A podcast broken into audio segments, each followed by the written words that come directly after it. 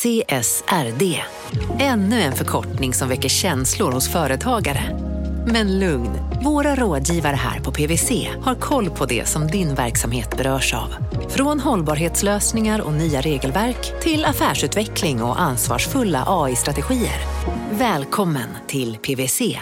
Om en yogamatta är på väg till dig, som gör att du för första gången hittar ditt inre lugn och gör dig befordrad på jobbet men du tackar nej för du drivs inte längre av prestation. Då finns det flera smarta sätt att beställa hem din yogamatta på. Som till våra paketboxar till exempel. Hälsningar Postnord. Välkomna sommaren med att... Res med Stena Line i sommar och gör det mesta av din semester. Ta bilen till Danmark, Tyskland, Lettland, Polen och resten av Europa. Se alla våra destinationer och boka nu på stenaline.se. Välkommen ombord!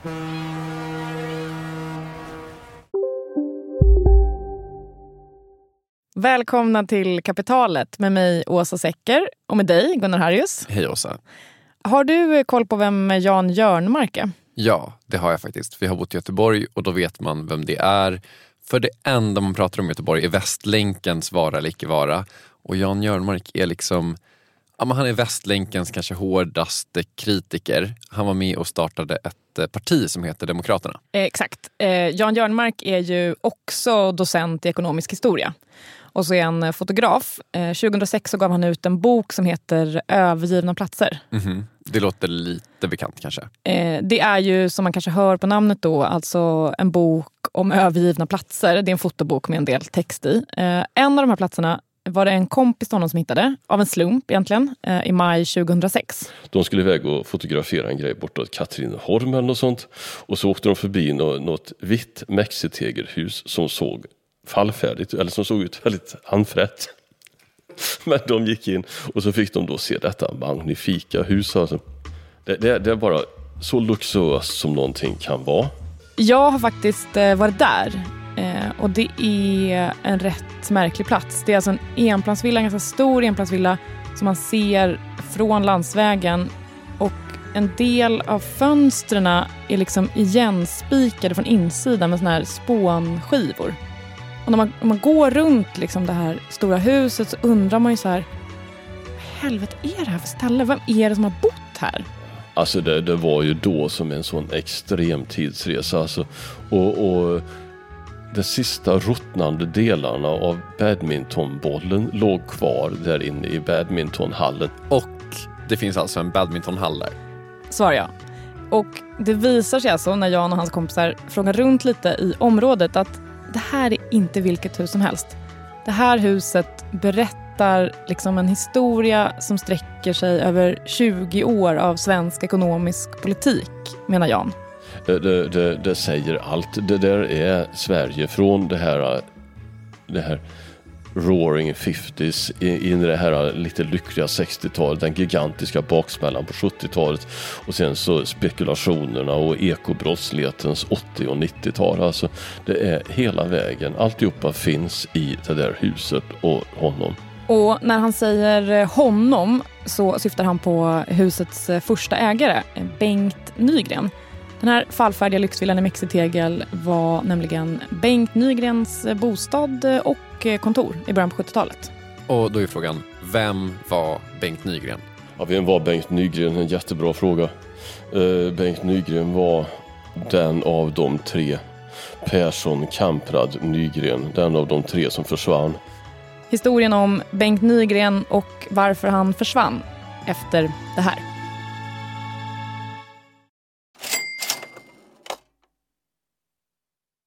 Vi sponsras av Storbrand Asset Management som ju förvaltar över 1000 miljarder norska kronor, bland annat för SPPs eh, många pensionssparare. För två år sedan så investerade Storbrand i drygt 60 tåg, alltså tågvagnar, eh, som rullar mellan London och Skottland. De leasar sedan de här tågvagnarna till tågoperatören som alltså kör tågen och säljer biljetter och sånt eh, med ett avtal på 27 år. Så britterna får nya fina tåg och storbrandskunder, eh, däribland alltså SPPs pensionssparare, får en inflationsskyddad avkastning med låga risker under lång tid. Det här är ett av supermånga exempel på hur pensionskapitalet i växande omfattning bidrar till att bygga samhället och inte minst till att klara klimatmålen. Det behövs elproduktion, elnät, batteriparker, nya transportlösningar och allt möjligt. Bara i Europa antas investeringsbehovet för att klara klimatmålen uppgå till tusentals miljarder dollar. Och det här är ju pengar som ganska ofta saknas i statsbudgetarna.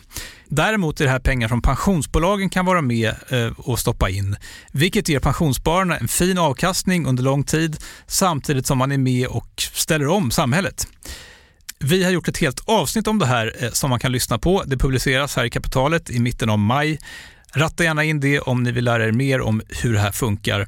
Men tack säger vi till Storbrand Asset Management som ju investerar i alla tänkbara tillgångslag, bland annat för pensionsbolaget SPP. Och tillsammans försöker ju vi, Storbrand och SPP, öka medvetenheten om hur pensionerna funkar och vilken roll pensionerna spelar i samhället och i ekonomin.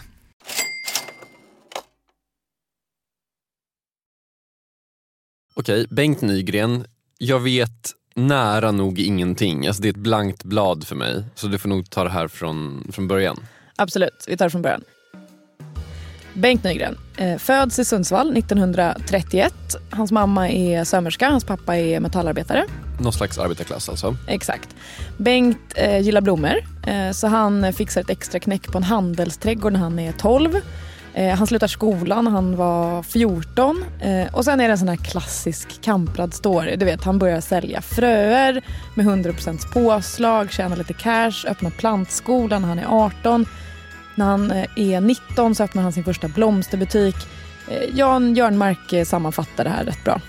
Oerhört driven tidigt. Det här känns ju som en historia som man liksom har hört förr ändå. De här liksom fullblodsentreprenörerna, vi har liksom hört deras story vid det här laget. Allting är relativt bekant ändå. Sålde inte Kamprad typ med tändstickor eller gem eller någonting när han var sex typ? Exakt. Eh, jag kan tycka att det skulle vara uppfriskande med en så här, riktigt framgångsrik entreprenör som absolut inte var företagsam som ung. Eh, det här är inte den historien tyvärr. Eh, I mitten på 50-talet så har Bengt Nygren såklart skaffat sig ett helt gäng växthus och eh, några butiker. Eh, Men sen så får han en kontakt med en kompis som befinner sig i Italien. Och, och den här kompisen där som är i Italien, han berättar att här är blommorna mycket, mycket billigare än i Sverige. Och, och eftersom Nygren då har etablerat sig som leverantör till en massa blomhandlare, han i Sundsvall i Norrland, så börjar han tänka i termer utav, skulle man inte kunna importera blommor direkt ifrån Italien och bli grossist i ett helt annat format än det är nu? Bra jobbat Bengt. Tänker lite utanför rutan och hela den grejen. Det gör han. Eh, problemet är att han märker att de här blommorna som han då köper in billigt från Italien och säljer vidare, de säljs liksom inte billigare i butik. Handlarna som han säljer dem till sänker inte priset utan de tar ut den här större mellanskillnaden själva. Smart av dem, kan man tycka. Det är så jag skulle gjort om jag hade varit blomsterhandlare. Säkert jag också. Men Bengt, eh, han ser ju såklart sin chans att själv slå sig in på den här marknaden och konkurrera med lägre priser eftersom att utrymmet finns. Det är så de är, fullblodsentreprenörerna. De ser möjligheterna och så slår de till. Så gör han. Startade den första butiken 1960 i Kalmar. Och sen går det snabbt alltså, riktigt snabbt. Och butiken heter? Buketten. Jag ska vara ärlig, än så länge är det här inte superoriginellt. Så vad är liksom, vad ska man säga, vad är grejen liksom? Ja, alltså det är ju blombranschens Ma- McDonalds. Det här är ju massproducerade buketter, färdiga. Eh, Därför att han importerar först, men sen så kommer han ju att ha egna växthus som drivs med billig restolja. Det är en suverän idé. Och, och där produceras ju alltså blommorna på löpande bandsprincip, buketterna. Va? Då är det några standardbuketter helt enkelt. Tjoff, tjoff, tjoff, tjoff. Så, så nej, men det här är blomhandelns McDonalds. Alltså 1960 så var det här med färdiga buketter, det var något helt nytt. Eh, vilket kan låta lite knäppt idag. Men det sparar ju massa tid såklart. Då, då är förlängningen pengar. Bengt har skrivit i sin självbiografi att han räknade ut hur lång tid det tog i snitt för personalen att hjälpa en kund innan det fanns färdiga buketter. Jag vet inte hur han gick tillväga för att räkna ut det här men i snitt eh, sex minuter. Oj. Men om man säljer färdiga buketter då tar det 30 sekunder. Alltså, så här, det är en bra tidsvinst. Men det är väl också kanske en övernitisk person som sätter sig och börjar klocka den här typen av grejer. Eller så är det bara så man måste göra, jag vet inte. Jag tror att Bengt är precis den övernitiska personen. Det kanske också är så man bär sig åt för att bli rik. Jag vet inte, jag har ingen erfarenhet av det. Förutom det där med färdiga buketter då, som gick skitsnabbt så bestämde sig Bengt också för att eh, de skulle inte hålla på att ge folk kredit. Det var tydligen eh, vanligt back in the day. Och så hade de hemliga telefonnummer till butikerna. Vänta, va? Det här är ändå en kul detalj. Det är för att de bestämde sig för att vi ska inte ha budservice. Det hade tydligen alla blomsterbutiker då. Men de bara, nej vi ska inte hålla på med budservice. Och om vi inte har någon budservice, att man kan ringa och beställa liksom en blombukett, skicka den till den här personen. Då är det liksom onödigt att personalen slösar tid på att prata i telefon. Så vi gör det omöjligt för folk att ringa till butikerna. Tyckte Bengt. Ehm, och sen så, jag vet inte om folk typ inte tog sina jobb på allvar på den här tiden. Eller så fick de skitdåligt betalt. Jag vet inte. Men det var tydligen också ganska vanligt, i alla fall i blomsterbranschen, att den som stod i kassan eh, stoppade pengarna i fickan istället för att slå in dem i kassaapparaten. Och om man är Bengt Nygren så tänker man det här är någonting man skulle kunna styra upp. Bengt Nygren styr upp, han inför en massa smarta kontrollsystem som gör att det blir jättesvårt att fuska på det här sättet. Jag har läst någonstans att han kallades för ett organisatoriskt eh, geni. Jag, jag tror att det är en, eh, en korrekt beskrivning av den här personen. Mm. Alltså samtidigt, alltså, det är lätt att framstå som ett organisatoriskt geni om liksom förutsättningarna är det här. Alla mina anställda står och pratar i telefon hela dagarna och snor pengar. Min idé är att de ska sluta med det. Jag är ett geni. Alltså det, det, det är liksom sänkt ribba för genien då. Absolut. Eh, jag, eh, jag håller med dig. Men de här grejerna blir i alla fall en eh, väldigt vinnande strategi för Bengt. Alltså att sälja massproducerade buketter, se till så att folk inte snor cash ur kassan. Det går fantastiskt bra länge. Det, det är en av det här, ja det är de här tre. Ikea, H&M, buketten. De definierar lite grann det svenska 1960-talet. Det, det, igen när man pratar med folk från den tiden börjar de prata så här, åh tänk jag minns de här broa och gula brombussarna som fanns överallt. Och, och Nygren blev också en sån här han var en stilig karl också. Han hade alltid en sån här nejlika i kavajerna. Expressen och Aftonbladet, sån här gala-Petter. Bengt Nygren syntes överallt. Och han var framgångsrik på ett sätt som bara en ung svensk entreprenör kunde vara på 1960-talet. Men okej, allt gick strålande. Nygren var ett geni, långtradarna var gula. Varför liksom var inte den här killen ett household name? Jag kan avslöja att du berättade innan för mig att du skulle göra ett avsnitt om Bengt Nygren och då googlade jag honom. Och liksom en av anledningarna till att jag verkligen inte vet vem det är fortfarande trots att vi sitter och läser det här just nu, det är att han inte hade en Wikipedia-sida. Det är så konstigt. Han finns typ ingenstans. Eh, så då undrar man ju, hur blev det så? Och vi ska komma till det, men jag tänker att vi ska få lite perspektiv på den här framgångssagan först. Det är lite hårda siffror. 1970, alltså tio år efter att han eh, öppnade sin första bukettenbutik. De driver alltså Europas största blomsterhandelsföretag. Omsättningen då ligger på 70 miljoner eh, i dåtidens värde. Det motsvarar 550 miljoner idag. Det är ändå en del. Det är sjukt mycket. En halv miljard på blommor. Han är, han är blomsterkungen. Han är blomsterkungen. Och det är nu, 1970 också, som han bygger det här flådiga vita mexitegelhuset slash kontoret slash badmintonhallen utanför Eskilstuna. Eh, men okej, okay. det som händer sen, det hänger liksom ihop med den ekonomiska politiken kan man säga. För att förstå de här bitarna så tänker jag att vi behöver en eh, nationalekonom. Jag heter Åsa Hansson och jag är docent i nationalekonom och jobbar vid Lunds universitet. Vi eh, träffades eh, lämpligt nog också på Skatteverket i, i Solna i, i Stockholm. Eh, ekonomisk politik handlar ju rätt mycket om skatter. Vad man har för olika skatter, hur höga de är. Det påverkar ju såklart eh, hur lätt eller svårt det är att driva företag. Och vad säger Åsa Hansson om skattepolitiken när Bengt drog igång sin grej då? Alltså under 50-60-talet så hade inte Sverige högre skatter än andra länder utan vi låg eh, om något kanske lite lägre. Och vi hade också en ganska expansiv socialpolitik. Vi införde folkpension, barnbidrag, allmän eh, sjukförsäkring. Så det var mycket reformer men samtidigt så gick det väldigt bra för ekonomin. Så att liksom kakan, skattebasen ökade. Så att det, var, det var inget tryck på att öka skatterna utan det här rymdes liksom inom reformutrymmet. Okej, men liksom någon slags happy times? Ja men verkligen. verkligen. Eh, sen kommer 70-talet och då bröts den här gynnsamma ekonomiska utvecklingen och vi hamnade liksom i en lågkonjunktur, inflationen ökade och det blev då svårare att ta in skatterna utan att höja skatterna. Så på 70-talet så ökade skatterna ganska kraftigt. Vi gjorde en omläggning där man hade en överenskommelse mellan då Socialdemokraterna och oppositionen och arbetsmarknadsparterna om att man skulle istället för att ta ut skatterna på arbetsinkomst så skulle man ta ut arbetsgivaravgifter. Så det, och under den här perioden så höjdes arbetsavgifterna högt och var uppe i 35 procent. Eh, och innan det så hade de varit superlåga, typ 10-11 procent. Okej, så något slags skifte är på gång här. Ja men exakt. Och samma år som valet 1970, som sossarna för övrigt vinner, de får 45 procent. Känns väldigt avlägset idag. Svagt. Svagt. Eh, samma år som det händer så händer det någonting annat.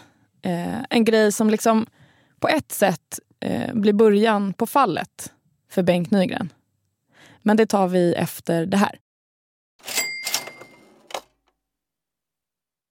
Kapitalet sponsras av Master Exchange, plattformen där du som privatperson kan investera i låtar och får pengar varje gång de här låtarna spelas. Eh, vi berättade ju senast eh, om barnlåten Puff the Magic Dragon som noterades av Master Exchange under våren. Nu har utdelningen på den låten kommit, eller royaltyn som vi säger i musikbranschen. Eh, den ligger på drygt 12% i årstakt och det här är ju en avkastning som är helt okorrelerad till eh, börsen. Till och med Goldman Sachs har börjat skriva om just musik som investering eh, just ur det här perspektivet.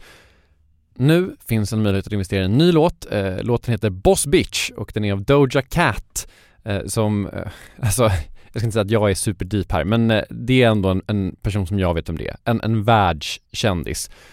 Den här låten gav baserad på förra årets spelningar en avkastning på drygt 13% Master Exchange har just nu en väntelista på registreringar. Det, det går lite för bra för dem kan man säga. Men Skriver ni in kapitalet som promo code så kan ni runda kön och ansöka om andelar i låten Boss Bitch ändå. Om ni investerar helt vanliga pengar, det är inget krypto eller sånt där, så vill du investera i musik och få en avkastning som är helt okorrelerad med börsen och kanske inte minst för att det är kul att äga låtar, eh, så kan man gå in på masterexchange.com och använda kapitalet som promo code så går man alltså förbi kön. Kom ihåg dock att alla investeringar är förenade med risk, men vi säger stort, stort tack till Master Exchange. Kapitalet sponsras av Karla, Jakob. Ja, bilar igen. Ja, det är eh, härligt. På Karla kan man sälja sin elbil eh, på det gissningsvis smidigaste sättet i Sverige. Eh, Karla har ju ett nästan ett komiskt högt användarbetyg på Trustpilot. Mm. 4,8 av 5, vilket jag typ aldrig hört talas om. Nej, det är väldigt, väldigt högt. Eh, man knappar in lite info om bilen på sidan, sen får man en gratis värdering och ett bud. Accepterar du budet kommer Karla och hämtar upp bilen gratis och sätter in pengarna innan de kör iväg. Inget mer än så.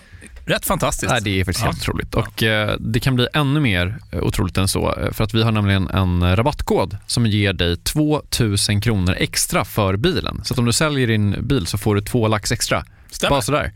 Eh, koden är Monopol och eh, den uppger du när du har värderat bilen och eh, pratat med Karlas inköpare. Koden är giltig till sista maj så att passa på om du går i säljartankar. Jag undrar om vi haft en kod som har gett två lax bara sådär någon gång.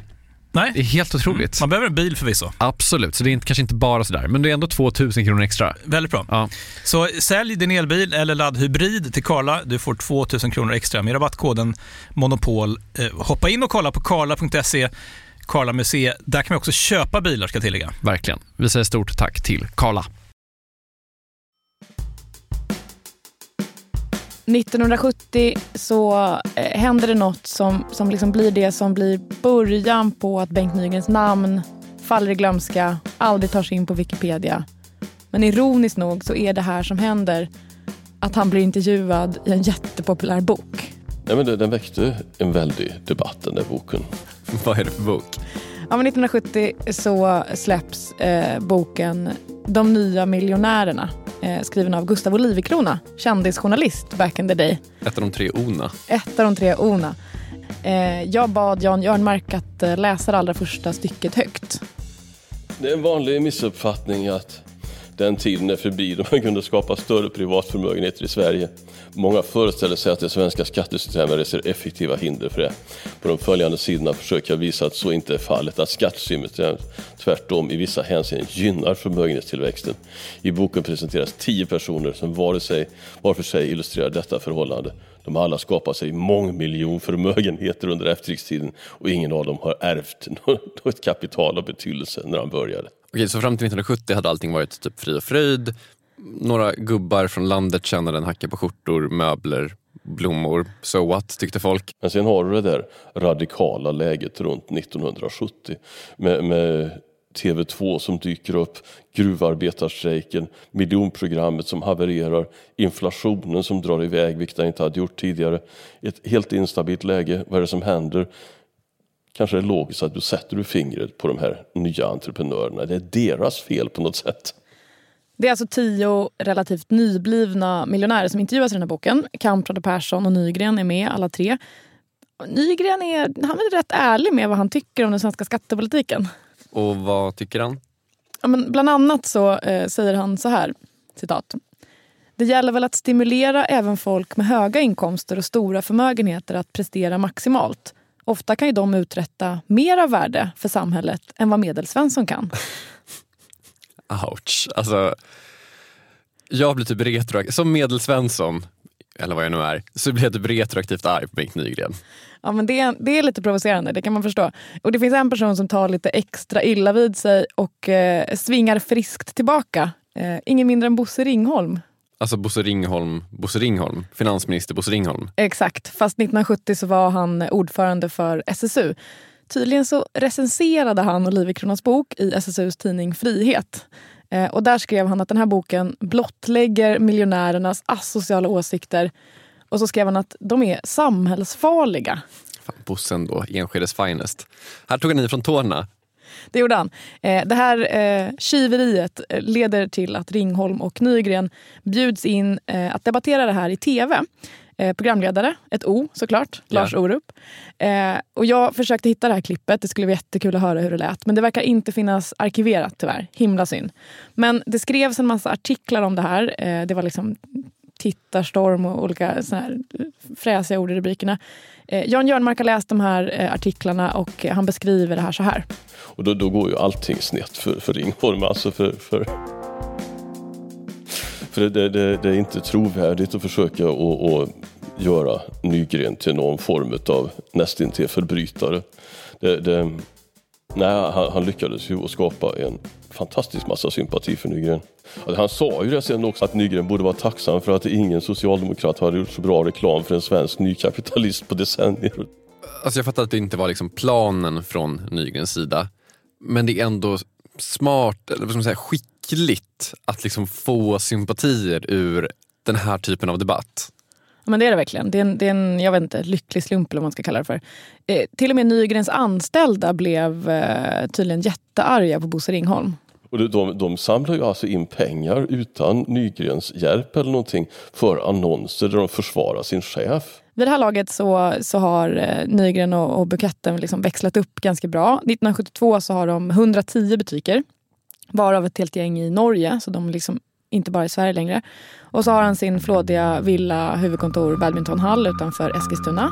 This is NBC Nightly News, Wednesday, October 17th. Men sen mitt i allt det här så blir det ju eh, oljekris 1973. Good evening. The Middle East war produced developments all over the world today. The oil producing countries of the Arab world decided to use their oil as a political weapon. They will reduce Du kanske kommer ihåg vad Bengt använder för att värma upp 5% sina växthus? Ja, olja. Precis, så att eh, buketten får det lite kämpigt där eh, början på 70-talet. Men de eh, lägger liksom om affärerna lite. De, de startar bland annat en kedja med servicebutiker. Eh, så att de, de tar sig ändå igenom det här rätt hyfsat. Men då lanseras ju idén om löntagarfonder. Men nu ska jag tala ett ögonblick om löntagarfonder. Det är väl självklart att den privata maktkoncentrationen måste brytas och att förmögenhetsfördelningen i det svenska samhället måste bli jämnare. ett förslag om löntagarfonder. Där alltså företagen istället ska fondera en viss procent utav sina vinster varje år till att köpa löntagaraktier. Det är alltså för aktier som ska emitteras bara till de här fackligt kontrollerade fonderna. Kan man vad löntagarfonder handlar om så förstår man att Bengt Nygren gillar inte det här. Ja, man kan väl summera det här som att det verkligen var ett annat klimat, ekonomiskt, samhällsmässigt, allt. Ja men verkligen, man har gått från eh, glada 60-talet till någonting liksom annat som gör det knepigare för folk som Bengt Nygren. Men mitt i det här så dyker det upp en, eh, en kul grej. Eh, ett amerikanskt företag hör nämligen av sig till Bengt Nygren och tycker att så här, vad fan, vi ska slå våra påsar ihop och erövra Europa. Bra, bra plan. Har de en lite mer konkret plan än bara så ta över Europa? Absolut, det finns en konkret plan. De ska snabbt som sjutton eh, slå upp tusen butiker i Frankrike och Tyskland. Blomsterbutiker då. Bengt ska få vara vd och majoritetsägare i det här nya bolaget. Kul grej, tänker Bengt. En utmaning. Äntligen, något positivt. Eh, så de skriver ett letter of intent, eh, buketten och eh, det här bolaget Carnation som det heter. Och sen så hör Bengt av sig till Riksbanken för att få okej okay på den här affären. Okej, okay, och det här är då kanske ganska avlägset för våra yngre lyssnare, men det fanns något som hette valutareglering på den här tiden. Alltså, ska du ta ut mer än 6 000 kronor i Sverige så var du tvungen att söka tillstånd. Och, och valutaregleringen gjorde alltså att mellan Egentligen mellan sent 1930-tal och fram till sent 1980-tal kunde du inte föra ut pengar ur landet. Ja, det hade kommit under 30-talet och framåt andra världskriget. Eh, och det, det handlar ju om att i ett kristillstånd så behöver du behöver du kontrollera valutarörelser. Sen blev det kvar efter kriget och det, det var ett enormt hinder för svenska entreprenörer under 1950 och 60-talet. Så Bengt skriver helt enkelt en, ja, men en prydlig ansökan till Riksbanken. Han skriver att eh, den skandinaviska marknaden är mättad. Kan liksom inte öppna fler blomster snabbkedjebutiker här. Eh, och det finns inga liknande butiker i Europa. Så det är liksom en jättepotential. Eh, tydligen så såldes det blommor för 800 miljoner kronor i Västtyskland 1977, enligt Bengt. Så mycket? Västtyskarna ändå. Ja, det är klart Benke ska ha en del av den här kakan och Riksbanken säger? De säger nej. Men, men antagligen hade det väl samlat ihop länge och så kom det där. Och, och öppna också på det där sättet ner mot Tyskland hade varit en utmaning. Ett sätt att fortsätta. Så kan du inte göra det. Nu får det vara nog. Räcker det. Han loggar ut. Bengt loggar ut. Han säljer buketten helt enkelt. För 12 miljoner tror jag. Eh, vilket är mycket mindre än vad det är värt. Eh, och så flyttar han till London. Ja, det är väl alla människors rätt att kasta in handduken antar jag. Men så här. Han fick inte föra ut pengar eh, ur landet. Men de här andra två som jag hela tiden jämfört honom med, alltså Persson, Kamprad. Så vitt jag vet så finns det IKEA-butiker utomlands och det finns hm butiker utomlands och det har funnits det Alltså, första hm butiken öppnade i London, gissar jag, under liksom, valutaregleringens tid. 1976. De andra två hade ju utländska verksamheter på den här tiden. Och hade du det så behövde du inte heller bekymra dig om valutareglering för då hade du ju pengar utomlands som kunde jobba där. Det, det. Hur hade de lyckats bygga upp det då om man inte fick? Ja, alltså om du fick tillstånd eller inte i första läge. Det var ju, kunde ju bero på den ekonomiska situationen just då. Och hade du ett tillstånd då där den svenska ekonomin inte var överhettad så hade du större möjligheter att få föra in eller ut pengar. Så att timing var mycket betydelsefullt. Bygg, lyckades du sedan bygga upp en utländsk verksamhet av format så fick du kassaflöden utomlands och då, då slapp du det här. Mm.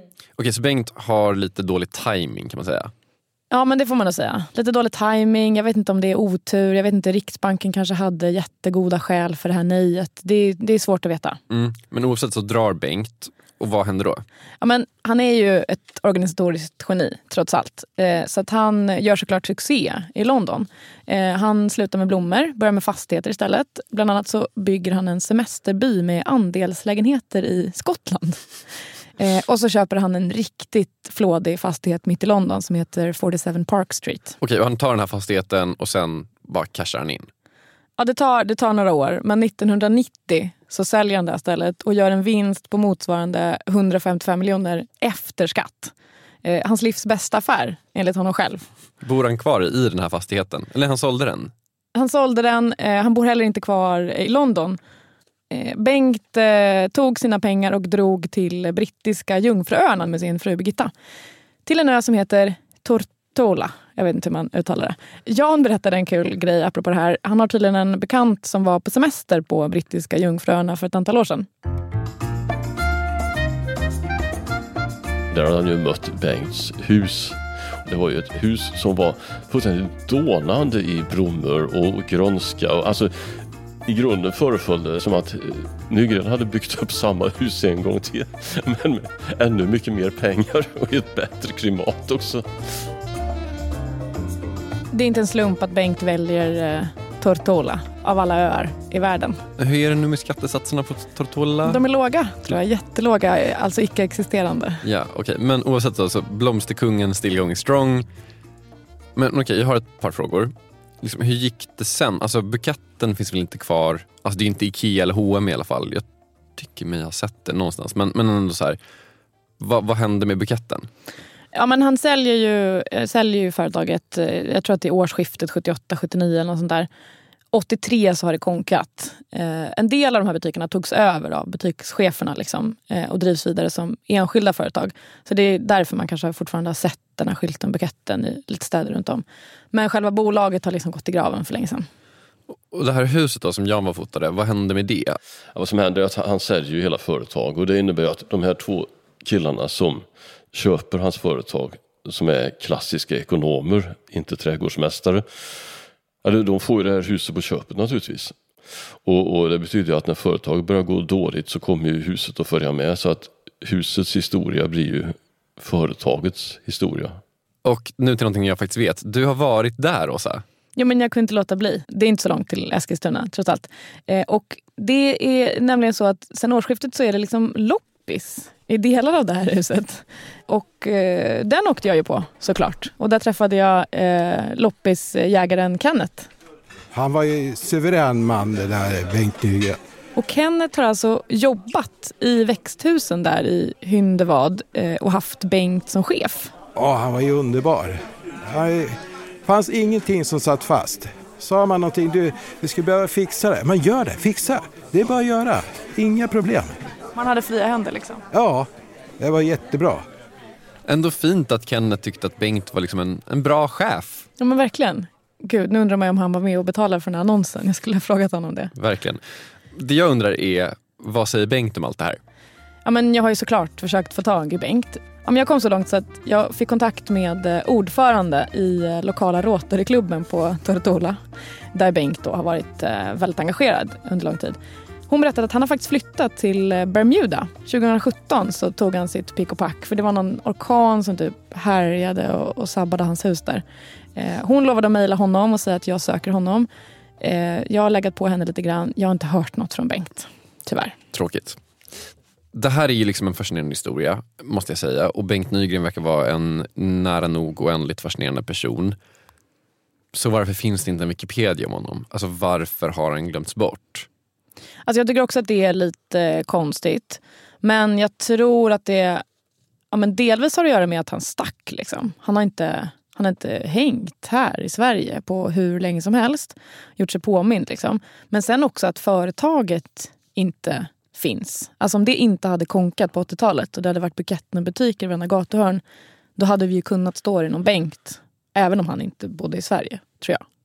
Eller som Jan Jörnmark uttryckte det. Jag tror att minnen försvinner ganska snabbt. Okej, men om vi ska, vad, vad tar vi med oss från den här historien om Bengt Nygren? Men att han var liksom en pionjär. Men att också att han kanske var lite före i sin tid, som alla entreprenörer som lyckas måste vara. Men att i Bengt Nygrens fall också var det lite grann som blev hans fall. Ja men verkligen, man ska vara före sin tid men man ska inte vara för mycket före sin tid. Det är en jävla timingfråga det där alltså. Verkligen. Men också tänker jag att han var liksom en företagsledare av internationellt mått på något sätt. Han var liksom den här stora personligheten med, men, vem bygger en badmintonhall i sitt hus? Kom igen, då är man ju liksom en, en världsmedborgare snarare än, än någon, en medelsvensson för att använda Bengt Nygrens e, egna ord. För stor för Sverige kanske? Ja men kanske det. Men jag tror också att det finns någonting i den typen av personer som man inte gillar så mycket i Sverige. Om man ska vara sån töntig janteperson. Ja men precis, man kan snacka mycket skit om Jante men Jante existerar. Alltså det är verkligen eh, högst levande liksom, faktor i Sverige. Men har han en legacy? Har han ett eftermäle? Alltså det är uppenbarligen ingen här i Sverige som har liksom, från vår generation som har koll på vem man var. Men jag tänker så här att om man vill, om man vill prata om liksom svenskt 70-tal som eh, företagsfientligt och typ så här, eh, ja, en väldigt speciell tid eh, ur ekonomiskt perspektiv så är ju Bengt Nygren posterboy för hela den historien. Mm. Vi kanske kan uppmana också någon, någon så driftig lyssnare att skapa Bengt Nygrens Wikipedia-sida. Det, det tycker jag han ändå kan vara värd. Absolut, jag, jag stödjer det. Kör vind, driftiga lyssnare. Mm. Och med det så är kapitalet slut för den här veckan. Följ oss gärna på Instagram. Där heter vi Kapitalet. Och där kommer vi lägga upp eh, bilder från det flådiga Mexitegelhuset utanför Eskilstuna såklart. Mm, det vill ni inte missa. Vi är tillbaka igen om en vecka. Hej då. Hej då. Det man kan tänka, det hade han fått fortsätta där. Det finns ingenting som säger att buketten inte hade varit som Ikea.